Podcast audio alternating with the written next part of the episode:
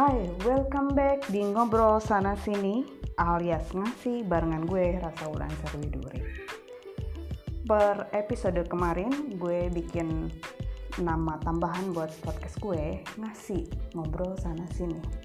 Karena so far gue cek ternyata ada juga podcast dengan nama yang sama.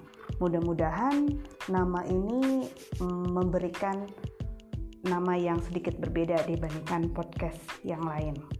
Oke, hari ini gue masih tetap akan melanjutkan podcast gue sebelumnya mengenai trip gue ke Eropa. Jadi uh, kali ini gue akan bercerita mengenai transportasi apa sih yang bisa lo gunain selama lo berkeliling di sana perlu kalian ketahui bahwa gue melakukan traveling ini sendiri. Jadi so far ini gue cari-cari berdasarkan riset melalui googling ataupun misalnya ada internet yang lain, misalnya Facebook, ada komunitas backpacker dan sebagainya. Nah, apa yang menarik pada saat gue bepergian selama satu bulan ini pada saat sendiri adalah gue mencoba mengarrange semua transportasi sendiri dan untungnya karena internet yang demikian maju, jadi kita bisa booking dari sini, dari Indonesia. Kita tidak harus melakukan pembelian tiket on the spot di sana. Jadi kita bisa melakukan booking di sini, bayar menggunakan kartu kredit sendiri. Itu lebih simple, lebih mudah dan lebih aman karena lu udah tahu jadwalnya, per kapan, ke mana, biayanya berapa. Oke, mulai dari transportasi intercity. Jadi seperti gue bilang, gue bepergian ke 14 kota selama satu bulan. Otomatis gue harus berpindah-pindah kota menggunakan transportasi yang sebenarnya nyaman banget buat gue. Mungkin kalau bisa dibilang level transportasi ini kan banyak. Misalnya pertama dari pesawat, kemudian ada kereta, ada bis ataupun misalnya rental, rental mobil. So far, ada kelebihan sama kekurangannya pada saat lo menggunakan mode transportasi itu. Tapi gue memilih untuk menggunakan uh, bis malam karena buat gue itu lebih efektif gitu dan gue punya reason tersendiri. Oke, kita bahas satu persatu. Pertama adalah kalau misalnya lo menggunakan pesawat. Menggunakan pesawat pada saat lo bepergian antara kota di Eropa sebenarnya akan bisa lebih murah. Kalau misalnya lu membooking pesawat misalnya kurang dari satu bulan gitu itu uh, itu memungkinkan sekali kalau misalnya lu dapet tiket misalnya dari Amsterdam misalnya ke Paris mungkin sekitar 500 ribu gitu ya. Itu mungkin banget gitu. Atau misalnya lu bisa yang agak jauh deh misalnya lu berangkat ke uh, London misalnya itu tiketnya hanya sekitar kurang dari satu juta. Nah uh, ini juga yang membuat beberapa travel untuk mencoba mengarrange menggunakan pesawat. Tapi mungkin perlu di apa ya, perlu dicermati juga. Lu menggunakan pesawat kalau misalnya buat gue ya, alasannya adalah kalau misalnya jaraknya jauh. Terus memang lu membutuhkan waktu yang uh, cepat. Jadi lu tidak punya banyak waktu tidak punya banyak waktu. Kalau misalnya lu waktunya mepet, oke okay lah lu gunain pesawat Cuma ada kelebihan, ada kekurangannya. Kekurangannya adalah gini, kebanyakan berdasarkan uh, survei gue selama di sana, bandara itu ternyata terletak di pinggiran kota. Jarang sekali bandara yang ada di tengah kota otomatis sebenarnya dari tempat lu menginap lu nggak akan mungkin juga kan nginep dari pinggiran kota artinya which is dekat dengan bandara. Lu pasti nginep ada di pusat kota kan. Nah berarti lu akan membutuhkan dua kali ongkos dua kali trip untuk uh, lu berangkat pulang pergi ke bandara gitu. Misalnya pertama adalah lu datang kedua adalah pada saat lu akan keluar uh, dari kota tersebut gitu Sebenarnya kalau bisa dibilang ongkosnya sendiri bervariasi, tapi bisa sekitar sampai e, eh, 5 sampai dengan 10 euro per satu trip. Itu buat gue sih sebenarnya lumayan banget ya. Pada saat itu 1 euro kan 16 ribuan, sekitar 16 ribuan ya. Lu bayangkan, berarti kalau 10 euro lu udah 160 ribu gitu. Nah, itu e, jadi lu perlu mengeluarkan ekstra untuk e, apa ongkos ke bandara tapi di luar itu adalah lu juga perlu ingat bahwa lu membawa bagasi yang biasanya kalau misalnya trip lu besar uh, lama lu pasti bawa bagasi yang nggak akan mungkin juga kabin gitu ya kayak misalnya gue satu bulan yang gue nggak akan mungkin juga pakai kabin gitu. Memang gue bawa koper koper yang cuma 20 inch tapi isinya tidak mungkin hanya sekitar 7 kilo gitu 7 sampai 9 kilo. Isi koper gue itu udah lebih dari 10 kilo. Otomatis gue pasti akan kena cas lagi gitu. Artinya adalah biayanya akan jauh lebih mahal lagi gitu. Itu pertimbangannya. Jadi kalau misalnya gue saranin kalau misalnya lu memang uh, tidak terlalu punya reason yang sangat urgent atau misalnya lu juga tidak punya apa ya uh, waktu yang uh, istilahnya apa? Kalau misalnya lu punya waktu yang lebih banyak punya spare time gue pikir uh, menggunakan pesawat bukan apa ya pilihan yang tepat gitu nah oke. Okay, itu mengenai pesawat. Tapi kalau misalnya lu memang seperti tadi gue bilang reasonnya lu perlu cepet kemudian waktu lu nggak banyak atau trip lu cuma 14 hari dan lu mau berpindah-pindah kota bolehlah gunain pesawat. Tapi lu perlu ingat berapa biaya yang harus dikeluarin. Itu. Kemudian belum lagi kalau misalnya di pesawat sebenarnya lu perlu waktu tunggu loh untuk check in itu misalnya 3 jam 2 jam sebenarnya wasting time buat gue gitu Nah, kemudian transportasi yang kedua. Transportasi yang kedua adalah kereta. So far, gue paling suka naik kereta, ya kan? Sebenarnya kalau misalnya lu naik kereta keliling-keliling Eropa, ada yang namanya European Trail Pass kalau nggak salah. Jadi itu adalah kartu uh, kereta yang memang bisa digunakan selama satu bulan. Jadi waktunya macam-macam. Ada 14 hari, ada satu bulan, ada kalau nggak salah satu setengah bulan, dua bulan, tiga bulan gitu ya. Tapi harganya bervariasi. Semakin lama ya pasti akan semakin mahal juga. Nah, sebenarnya menaik kereta ini lebih efektif karena lu tidak perlu ada waktu check in gitu ya. Jadi lu bisa datang ke apa platformnya itu mungkin misalnya cuma setengah jam sebelumnya gitu kan. Cuma lu perlu tahu juga bahwa e, di sana yang namanya station itu kan untuk station main station itu itu sangat besar. Jadi sebenarnya main stationnya nggak seperti kita di Gambir. Sebenarnya di Gambir agak sedikit kecil sih gitu ya, nggak terlalu besar. Tapi di sini main stationnya itu kalau lu pernah ke mana ya? misalnya lu pernah ke uh, kalau Shinjuku mungkin karena terlalu crowded aja misalnya lu pernah ke stasiun-stasiun sebenarnya kayak di Amsterdamnya sendiri pun sebenarnya besar gitu. Nah di sini pun misalnya eh, pengalaman gue pada saat gue tiba di Frankfurt gitu ya di Frankfurt di stasiun kereta utama wow gila lu stasiunnya biasanya itu sangat besar sekali mulai dari bangunan kemudian platformnya itu bisa banyak banget. Platformnya mungkin bisa 20 gitu. Lu bayangin lu harus cari platformnya ada di mana pada saat lu mau berangkat.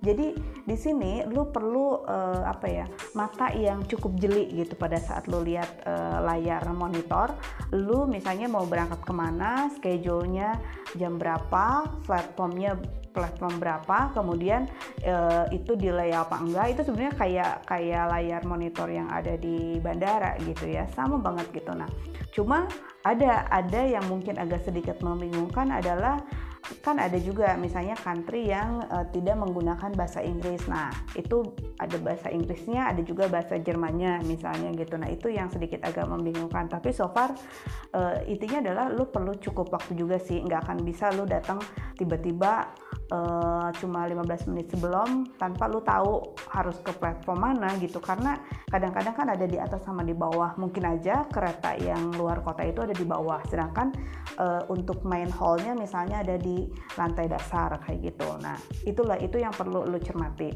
Kemudian kereta ini biasanya antar city jarang sekali yang misalnya uh, ada kereta malam kebanyakan misalnya kereta itu berangkat misalnya jam 9 malam terus kemudian tiba di kota yang dituju itu mungkin e, perjalanan bisa lebih cepat dibandingkan menggunakan bus misalnya cuma 3 jam. At least berarti lu akan ada di stasiun itu sekitar pukul uh, e, 2 malam atau misalnya tiga malam gitu. Bayangin kalau misalnya lu bawa gembolan terus lu ada di stasiun dan pada saat lu tiba di sana cuacanya itu kan dingin banget gitu. Lu mau mau stay di situ sampai pukul sekitar pukul 7 lu siap nggak gitu kondisi itu? Atau misalnya lu bisa aja sih langsung datang ke apa hotel lu tapi lu pakai taksi sebenarnya harganya jadi lebih mahal lagi gitu loh. Kita ngomongin masalah budget lagi gitu ya.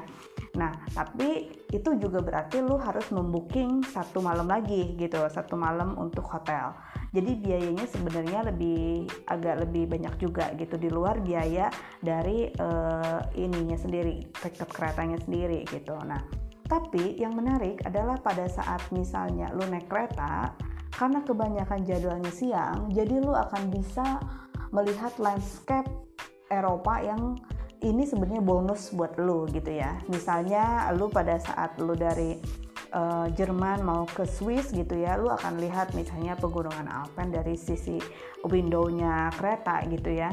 Jadi itu sebenarnya bonus pada saat lu siang-siang lu bisa lihat uh, pemandangan itu. Dan itu mungkin ya nggak akan bisa terlupakan gitu ya cuma balik lagi reasonnya lu mau apa gitu ya? Lu apakah mau menikmati dari sisi kereta atau misalnya lu merasa bahwa itu uh, apa ya wasting time misalnya kalau lu ada di kereta misalnya itu itu nah jadi tergantung dari masing-masing. Tapi so far yang paling menyenangkan selain uh, tadi pemandangannya di kereta itu nggak ada masalah uh, limitation untuk bagasi. Jadi lu bisa bawa bagasi lu sampai yang segede-gede itu biasanya ada satu apa ya kayak kalau misalnya kita di bus itu ada bagas tempat bagasi gitu. Jadi lu bisa simpen di situ. Itu aman biasanya gitu ya. Palingan kalau enggak lu kasih lah selama kalau misalnya lu pergian jauh lu pakai tag gitu. Sehingga itu nggak akan tukar koper lu gitu. Dan kalau misalnya lu di kereta juga lu masih bisa makan, bisa jalan-jalan gitu ya.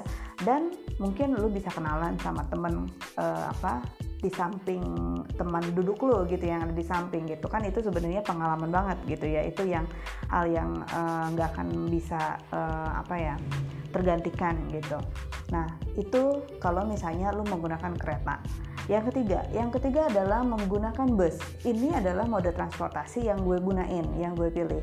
Kenapa? Buat gue sebenarnya ini adalah saving money sebenarnya. Kalau misalnya gue pakai bus malam artinya adalah bahwa gue bisa uh, me, bisa saving uang gue yang untuk satu malam di hotel misalnya dengan uh, biaya untuk di bus. Nah, sebenarnya rata-rata untuk antar city yang dekat-dekat biayanya sendiri itu sekitar 20 sekitar 15 sampai 25 euro kalau misalnya dilihat ya paling mahal. Sorry, ada yang 30 euro juga, tiga, eh, enggak hanya sekitar 25 euro, ya sekitar 400-an 400 ribu saat itu kalau dikonversiin sama rupiah itu worth it banget karena kan perjalanannya malam. Jadi misalnya jam 11 malam lu nyampe nanti tiba-tiba pagi-pagi udah sampai di kota yang dituju gitu. Nah selama di bus ini ya lu bisa gunain waktu untuk istirahat untuk tidur so far inilah yang membuat gue akhirnya membawa bantal leher. Lumayan juga kalau misalnya lu tidur di dalam bus selama 6 jam berkali-kali gitu ya. Itu trip gue ini mungkin sekitar ada uh, eh, 12 kali pakai bus malam pakai bus gitu ya. Jadi otomatis gue memprepare itu. Nah uh, apa sih bagaimana caranya sebenarnya pada saat lu booking bus uh, untuk intercity di sana? Jadi seperti gue bilang lu bisa booking melalui internet di sini sebelum lu berangkat gitu ya uh, bus-bus yang memang terkenal contohnya misalnya Flixbus, kemudian Polski ini sebenarnya yang Poland ya Polski Bus. Kemudian kalau misalnya di daerah e, Bratislava e, Eropa Eropa Timur sana itu pakai Regio Regio Jet. Ini e, menurut gue asik sih sebenarnya. Ini bukan bus malam tapi karena memang city-nya nggak terlalu jauh misalnya Budapest ke Bratislava Bratislava ke Vienna. Ini kan cuma 2 jam 3 jam kan lu pakai regio jet. Tapi gue pikir sebenarnya dibandingin Flixbus ini jauh lebih bagus busnya busnya lebih bagus, pelayanannya lebih bagus, lebih bersih gitu ya. Kemudian hmm, orang-orangnya juga sebenarnya yang ikut bus ini eh, menurut gue berbeda sih dibandingin yang misalnya naik flick bus. Kalau misalnya flick bus itu lebih banyak kayak backpacker. Kalau misalnya regio ini karena antar city-nya dekat ya sebenarnya orang-orang seperti orang-orang biasa aja bukan orang yang memang saving money gitu ya. Jadi ini adalah kayak transportasi kita misalnya dari Jakarta kita apa ya misalnya dari Jakarta ke Semarang gitu ya. Mungkin ke Semarang kejauhan mungkin dari Jakarta ke Bogor atau dari Jakarta misalnya ke Bekasi kayak gitu deh gitu. Jadi ini kayak uh, eh, semi semi bus uh, sebenarnya bus antar country antar city gitu ya. Tapi menurut gue lebih bagus aja gitu busnya kemudian pelayanan juga. Cuma mungkin kurangnya adalah bahasanya itu nggak ada bahasa Inggris gitu. Jadi itulah yang perlu lu akomodir gitu ya. Jadi misalnya Flixbus Flixbus ini kan sebenarnya yang ada di Eropa Barat. Nah, otomatis karena banyak sekali backpacker yang ke sana, biasanya pegawainya, kondekturnya, supirnya bisa bahasa Inggris gitu. Tapi kalau misalnya Polski Bus atau misalnya RegioJet, yaitu dalam bahasa Polis gitu atau dalam bahasa uh, si Budapest itu gitu. Gue nggak tahu nama bahasanya lupa gitu. Karena itu buat gue sih agak susah banget gitu. Nah itu kurangnya gitu. Tapi so far sebenarnya kalau dilihat menggunakan bus ini aman menurut gue gitu ya. Cuma perlu lu preparation bus terminalnya ada di mana? Apakah dia jauh atau dekat? Tapi rata-rata bus terminal itu sebenarnya masih di dalam city gitu. Dia sama kayak uh, station main station gitu. Pun misalnya dia agak jauh tidak sejauh bandara gitu. Jadi lu masih bisa mencapai itu. Bahkan biasanya itu masih bisa dicapai dari station yang ada di uh, internal city gitu ya. Jadi kalau misalnya di dalam satu kota ada apa ya kita bilang misalnya kayak tram atau misalnya uh, eh, MRT. Nah itu biasanya terminal bus itu ada di dalam salah satu station itu gitu. Itu oh, sangat gampang sekali kan. Misalnya lu capai itu nggak menghabiskan waktu lu juga gitu. Platformnya sendiri sebenarnya so far berbeda-beda untuk tiap uh, terminal di setiap country. Misalnya kayak yang gue ingat, misalnya pada saat gue mau dari uh, Amsterdam, itu stationnya besar, terminalnya besar, tapi ternyata platformnya ada di luar. Jadi kalau misalnya malam-malam, ya nanti ada satu tempat lapangan itu semua kumpul busnya. Nah nanti lu tinggal lihat misalnya ini jurusan flick bus, flick busnya ini kan warna hijau, dia akan datang. Nanti lu tinggal lihat di situ ada tulisannya ini mana ini apakah ke Frankfurt ini apakah misalnya ke Berlin atau ke mana nah lu tinggal masuk situ gitu. Jadi itu nggak ada platform. Tapi kalau misalnya kayak di hmm, Polski Bus misalnya di Polis di Krakow itu ada gitu ya. Nah, terus mungkin yang paling gue suka adalah misalnya yang ada di uh, Prague gitu. Kalau misalnya kita ngomong itu Praha. Nah, kalau di situ uh, terminalnya ada di uh, bersebelahan dengan main railway station sama stasiun kereta api. Jadi lebih gampang, kemudian lebih bagus kemudian itu ada juga kapan busnya datang platformnya berapa jadi lebih terakomodir lah lu, lu lebih gampang untuk mencari bus yang akan lu gunain gitu. Nah itu mengenai platformnya. Terus eh, yang menarik lagi adalah pada saat lu misalnya booking bus biasanya lu akan dikasih kayak e-tiket ada barcode-nya Nah, jadi pada saat lu masuk, biasanya si kondekturnya hanya men-scan barcode lu dan juga minta paspor lu gitu ya. Nah, itu aja. Sebenarnya lebih mudah kan, lebih simpel. Lu tinggal uh, ngantri, misalnya lu bawa paspor lu, lu bawa e-tiket lu. Kalau misalnya lu nggak sempet print gitu, lu bisa cuma tinggal based on dari apa? Dari uh, handphone lu gitu ya. Lu bisa menggunakan aplikasi atau lu misalnya screenshot aja itu langsung ke detect, lu simpen bagasi lu nanti pada pada saat misalnya ada bagasi lu dikasih nomor. Misalnya dikasih tag yang misalnya lu bisa ambil pada saat lu uh, apa tiba di tempat tujuan gitu. Itu lebih simple lebih mudah dan uh, apa ya ini bisa digunakan oleh semua orang sebenarnya itu. Tapi ini nggak ada nomor tempat duduk gitu. Jadi biasanya uh, tempat duduknya bebas lu dulu duluan aja gitu. Nah, kondisi di dalam bus sebenarnya uh, sama seperti bus pada umumnya, tapi kebanyakan karena bus malam dan jarak jauh, biasanya busnya itu double deck, jadi dua, dua apa bus tingkat lah, bus tingkat ada di atas, ada di bawah. Nah ini uh, sensasi tersendiri sebenarnya buat gue yang jarang menggunakan bus tingkat di sini di Indonesia gitu. Mungkin ada sebenarnya kayak ke Jawa, cuma gue belum pernah nyoba karena di sini nggak familiar gitu ya. Nah, jadi misalnya di atas biasanya penuh tuh, karena orang-orang seneng buat tidur di atas tanpa terganggu gitu. Nah, tapi enaknya eh, apa? Tapi di bawah juga sebenarnya ada ada sisi enaknya, karena di bawah itu sebenarnya kan lu dekat sama pintu keluar masuk. Kemudian kalau misalnya lu orangnya suka pipisan gitu ya bahasa itunya apa ya? Kalau bahasa Sunda sih namanya beser gue nggak tahu kalau bahasa Indonesia. Ya lu lebih deket ke toilet gitu ya. Lebih enak sih sebenarnya itu.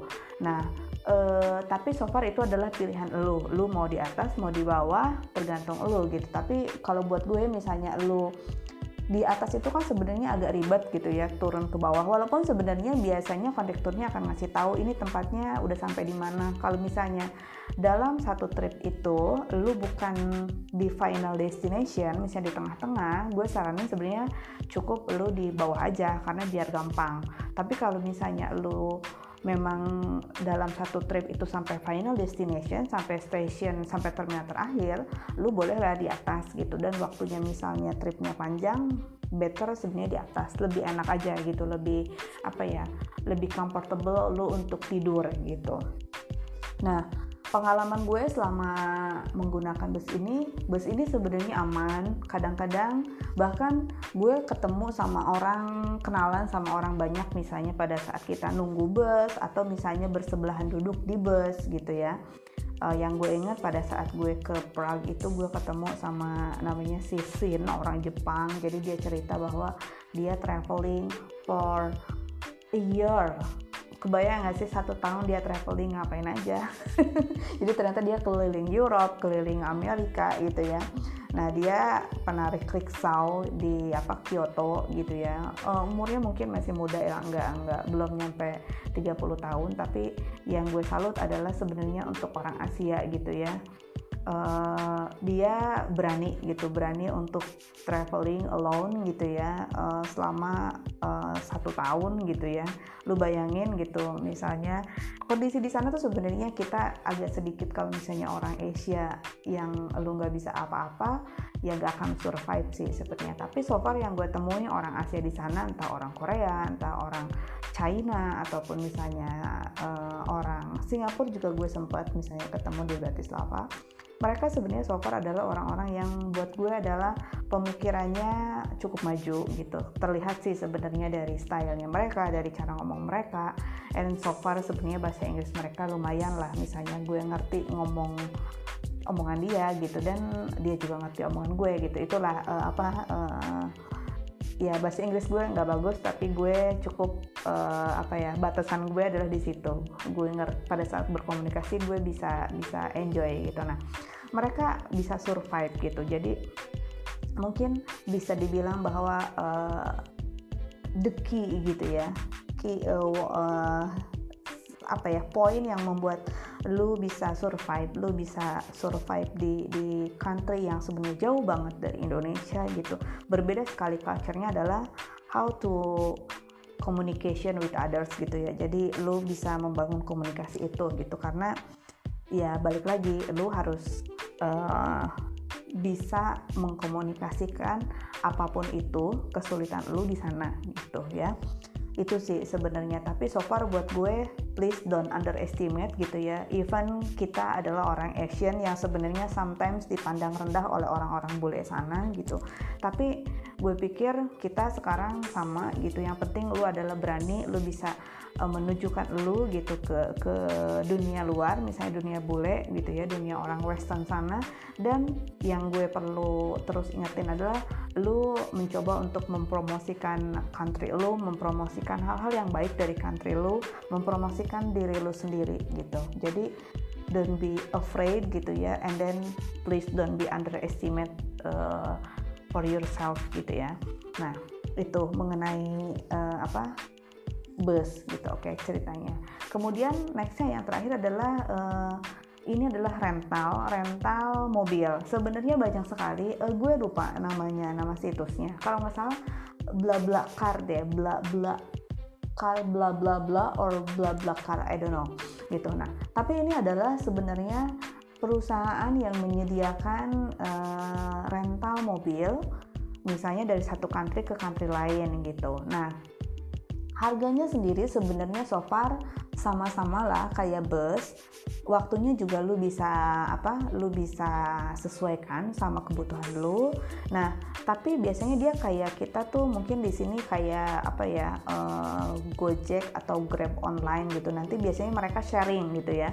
Jadi misalnya satu satu mobil misalnya dari uh, dari misalnya dari apa ya yang mungkin deket misalnya dari Berlin ke Hamburg misalnya lu pakai mobil itu. Misalnya lu bisa rental nanti lu bayar per orang berapa. Tapi kendalanya buat gue adalah saat itu gue harus berkomunikasi sama drivernya. Misalnya gue udah nyampe di sini terus gue pakai baju apa itu lebih ribet buat gue gitu ya. Karena gue di sana tidak menggunakan wifi yang gue pegang terus-terusan gitu. Karena kan gue juga berpindah-pindahnya banyak nih. Misalnya ada ke kayak Denmark itu udah jelas lah berbeda sama si Eropa sana. Kemudian misalnya gue ke Poland itu akan beda juga bahasanya gitu ya. Atau misalnya di Eropa Timur Eropa Barat itu sangat beda banget gitu. Jadi gue nggak menggunakan uh, apa internet yang memang gue pegang terus-terusan gitu. Jadi gue hanya mengandalkan free uh, internet, free wifi gitu. Jadi kalau berkomunikasi ya susah gitu.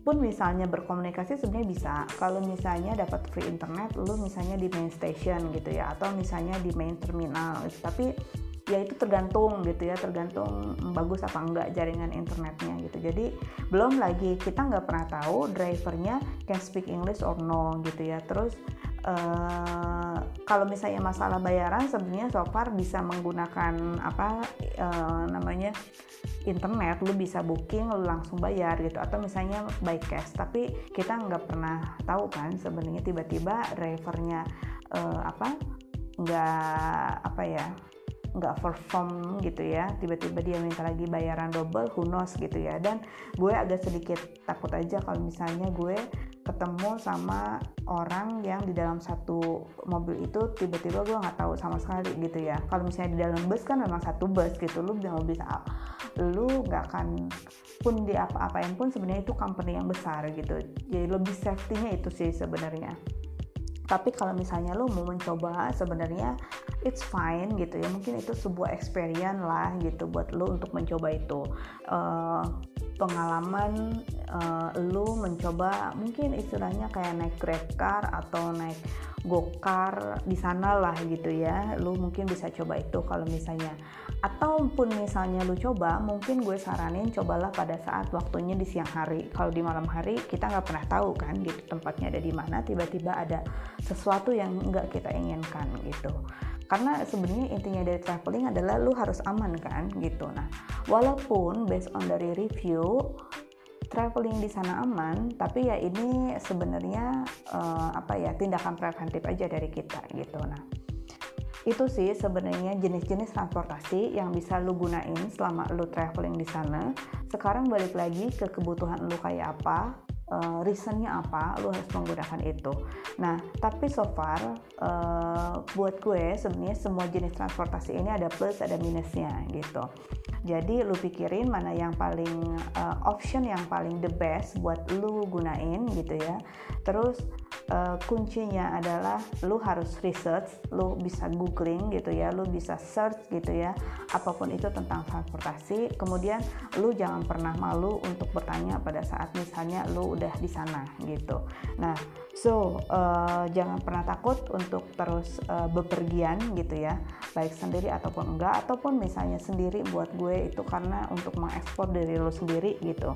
Nah uh, semoga podcast kali ini sebenarnya bisa membuka wawasan lo juga gitu dan ini sebenarnya merimain juga uh, apa uh, ingatan gue tentang trik gue semoga ini bermanfaat kalau misalnya memang lo ada pertanyaan lo bisa layangkan uh, ke email gue ke rasaulanserwiduri@gmail.com kalau lo mau diskusi gue persilakan lu boleh kontak gue. Mudah-mudahan ini menginspirasi buat lu semua. Sampai ketemu di podcast selanjutnya. Oke, okay, see you. Bye-bye.